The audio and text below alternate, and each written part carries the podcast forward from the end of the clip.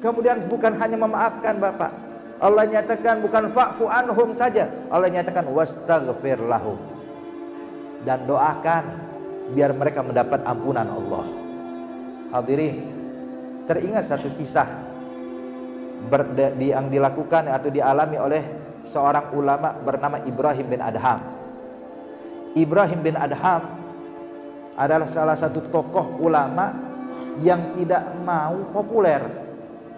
Lari dari popularitas. Sehingga beliau kalau terkenal di satu kampung dia pindah ke kampung sebelah yang tidak mengenalnya. Pokoknya dia cari tempat yang mana orang kampung nggak mengenalnya. Bahkan dia harus bekerja, dia bekerja hadirin. Ada Ibrahim bin Adham Zaman dahulu orang cuma kenal nama tapi nggak kenal muka pak. Kalau zaman sekarang mah sekarang ya, atau orang yang nggak terkenal bisa terkenal, tinggal pasang foto pinggir jalan terkenal hadir. Ya, tapi kalau Ibrahim bin Adham zaman beliau tersebut belum ada foto, belum ada media sosial, sehingga orang cuma kenal nama tapi nggak kenal muka. Yang mana orangnya? Ibrahim bin Adham pernah beliau bekerja di salah satu kampung di kebun apel saat sedang panen lewat satu orang jundi, seorang tentara berbadan besar dan tegap, cuman perutnya dalam keadaan lapar dilihat di, depannya ada kebun apel yang sedang panen. Ibrahim bin Adham sedang sibuk membersihkan kebun. Didatangi oleh ini tentara. Dia katakan, "Hai orang tua, berikan aku satu buah apel." Perut saya kosong, perut saya lagi lapar. Ibrahim bin Adham mengatakan, "Maaf, hei Jundi, ya, ini kebun bukan milik saya. Jadi saya nggak bisa memberikan satu buah apel pun untukmu. Maka marah sang jundi. Biasa bapak ibu sekalian, orang kalau lagi lapar bawaan emosinya cepat ya. Marah. Bang, engkau tidak akan memberikan aku satu buah apel pun, bang, satu buah pun tidak akan aku berikan. Sebab bukan milik saya. Kalau kau mau minta izin dulu sama pemiliknya di rumahnya di sebelah sana, baru datang kemari aku berikan untukmu. Maka marah ini tentara hadirin, saking marahnya sampai Ibrahim bin Adham dipukul terjatuh beliau. Begitu terjatuh, bangun Ibrahim bin Adham kembali mengatakan mohon maaf hei Jundi, aku juga tidak bisa memberikan satu buah apel untukmu. Dipukul yang kedua kalinya. Dipukul berulang kali, jawaban tetap sama, nggak bisa aku berikan satu buah pun untukmu. Sampai udah putus asa ini tentara ditinggal. Dalam keadaan emosi, ditinggalkan Ibrahim bin Adham. Waktu berjalan beberapa langkah, ada orang melihat kejadian tadi, Pak. Dipanggil ini tentara. Ya Jundi ta'al. Hei tentara kemari. Dia bilang ada apa? Bilang, saya mau tanya kepada engkau. Engkau kenal nggak dengan satu orang ulama yang soleh yang bernama Ibrahim bin Adham? Maka tentara ini mengatakan, oh iya aku kenal dia. Siapa nggak kenal? Itu orang soleh. Orang yang luar biasa, yang lari dari popularitas maka orang ini mengatakan, tahukah engkau siapa yang barusan kau pukuli tadi? Bilang tidak tahu. Dialah Ibrahim bin Adham.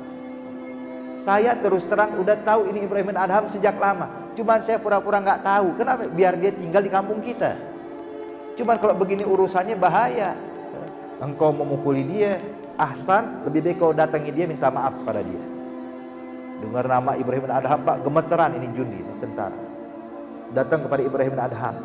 Bilang, ya Ibrahim bin Adham, Gala lebay. Tolong balas apa kesalahan saya tadi. Kata Ibrahim, lah, aku udah maafkan engkau. Tentara ini mengatakan, tolong jangan bilang seperti itu. Balas kesalahan saya tadi, pukul saya. Dia bilang, hei Jundi, aku telah maafkan engkau. Ini tentara sampai berbaring pak di atas tanah. Dia bilang, kalau gitu tolong paling tidak injakkan kakimu ke wajah saya sebagai balasan saya tadi.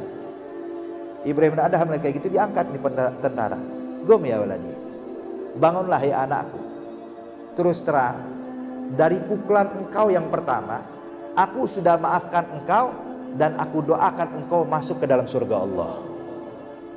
Sampai di tentara bingung ya Ibrahim engkau maafkan saya saja sudah cukup.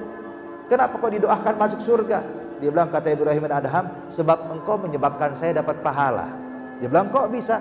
Saat kau pukul wajah saya saya bersabar saya dapat pahala dari Allah. Masa iya? Orang yang menyebabkan saya dapat pahala saya doakan masuk ke dalam api neraka Allah. Ya ada rahmah wa afu anhum wastaghfir lahum dan yang terakhir apa saudara sekalian wasyawirhum fil amr kalau kita bermusyawarah ajak itu orang-orang yang dulu menyakiti kita Artinya, hormati pendapatnya. Dengarkan apa yang diinginkan oleh dia. Pahami apa maksud tujuannya. Kalau memang baik datang dari dia, saudara sekalian, diterima. Beginilah Rasulullah sallallahu alaihi wasallam. Nabi kadang bermusyawarah hadirin kepada orang-orang yang di sekitar yang dulu pernah menyakiti Rasulullah. Dulu pernah mengganggu Nabi Muhammad, tapi Nabi kalau duduk di hadapan mereka mendengarkan masukan mereka, kalau baik diamalkan oleh Nabi Muhammad sallallahu alaihi wasallam. Hadirin, apakah sifat yang dimiliki Rasulullah ini tidak patut kita muliakan? Apakah sifat seperti yang dilakukan Rasulullah tidak patut kita agungkan? Dan sebenarnya yang kita sebutkan ini, ini hanya sebagian kecil daripada sifat-sifatnya Nabi Muhammad yang begitu agung dan luar biasa. Makanya hadirin tidak salah kalau kita ini hanya melihat kepribadian Rasulullah, kita bakal mengagumi Rasulullah dan mengagungkan Rasulullah. Apalagi kalau kita tahu, kita bahas bahwa Allah yang telah mengagungkan dia. Allah yang telah memuliakan dia. Dari sisi kemanusiaannya saja kita bakal kagum dan bakal menghormati dan memuliakan Rasulullah sallallahu alaihi wasallam. Insyaallah berkat perkumpulan kita saat ini di sore hari ini Allah tanamkan kepada hati kita kecintaan kepada Rasulullah. Sehingga kita bisa menteladani Rasulullah mengikuti apa yang dilakukan Nabi Muhammad sehingga kita bisa melakukan sifat-sifatnya Rasulullah dalam kehidupan kita. Dan kita tergolong orang-orang mendapatkan kemuliaan di sisi Allah. Amin. Ya rabbal alamin birahmatika ya arhamar rahimin. Wa sallallahu ala sayidina Muhammadin nabiyil ummi wa alihi wasallam alhamdulillahi rabbil alamin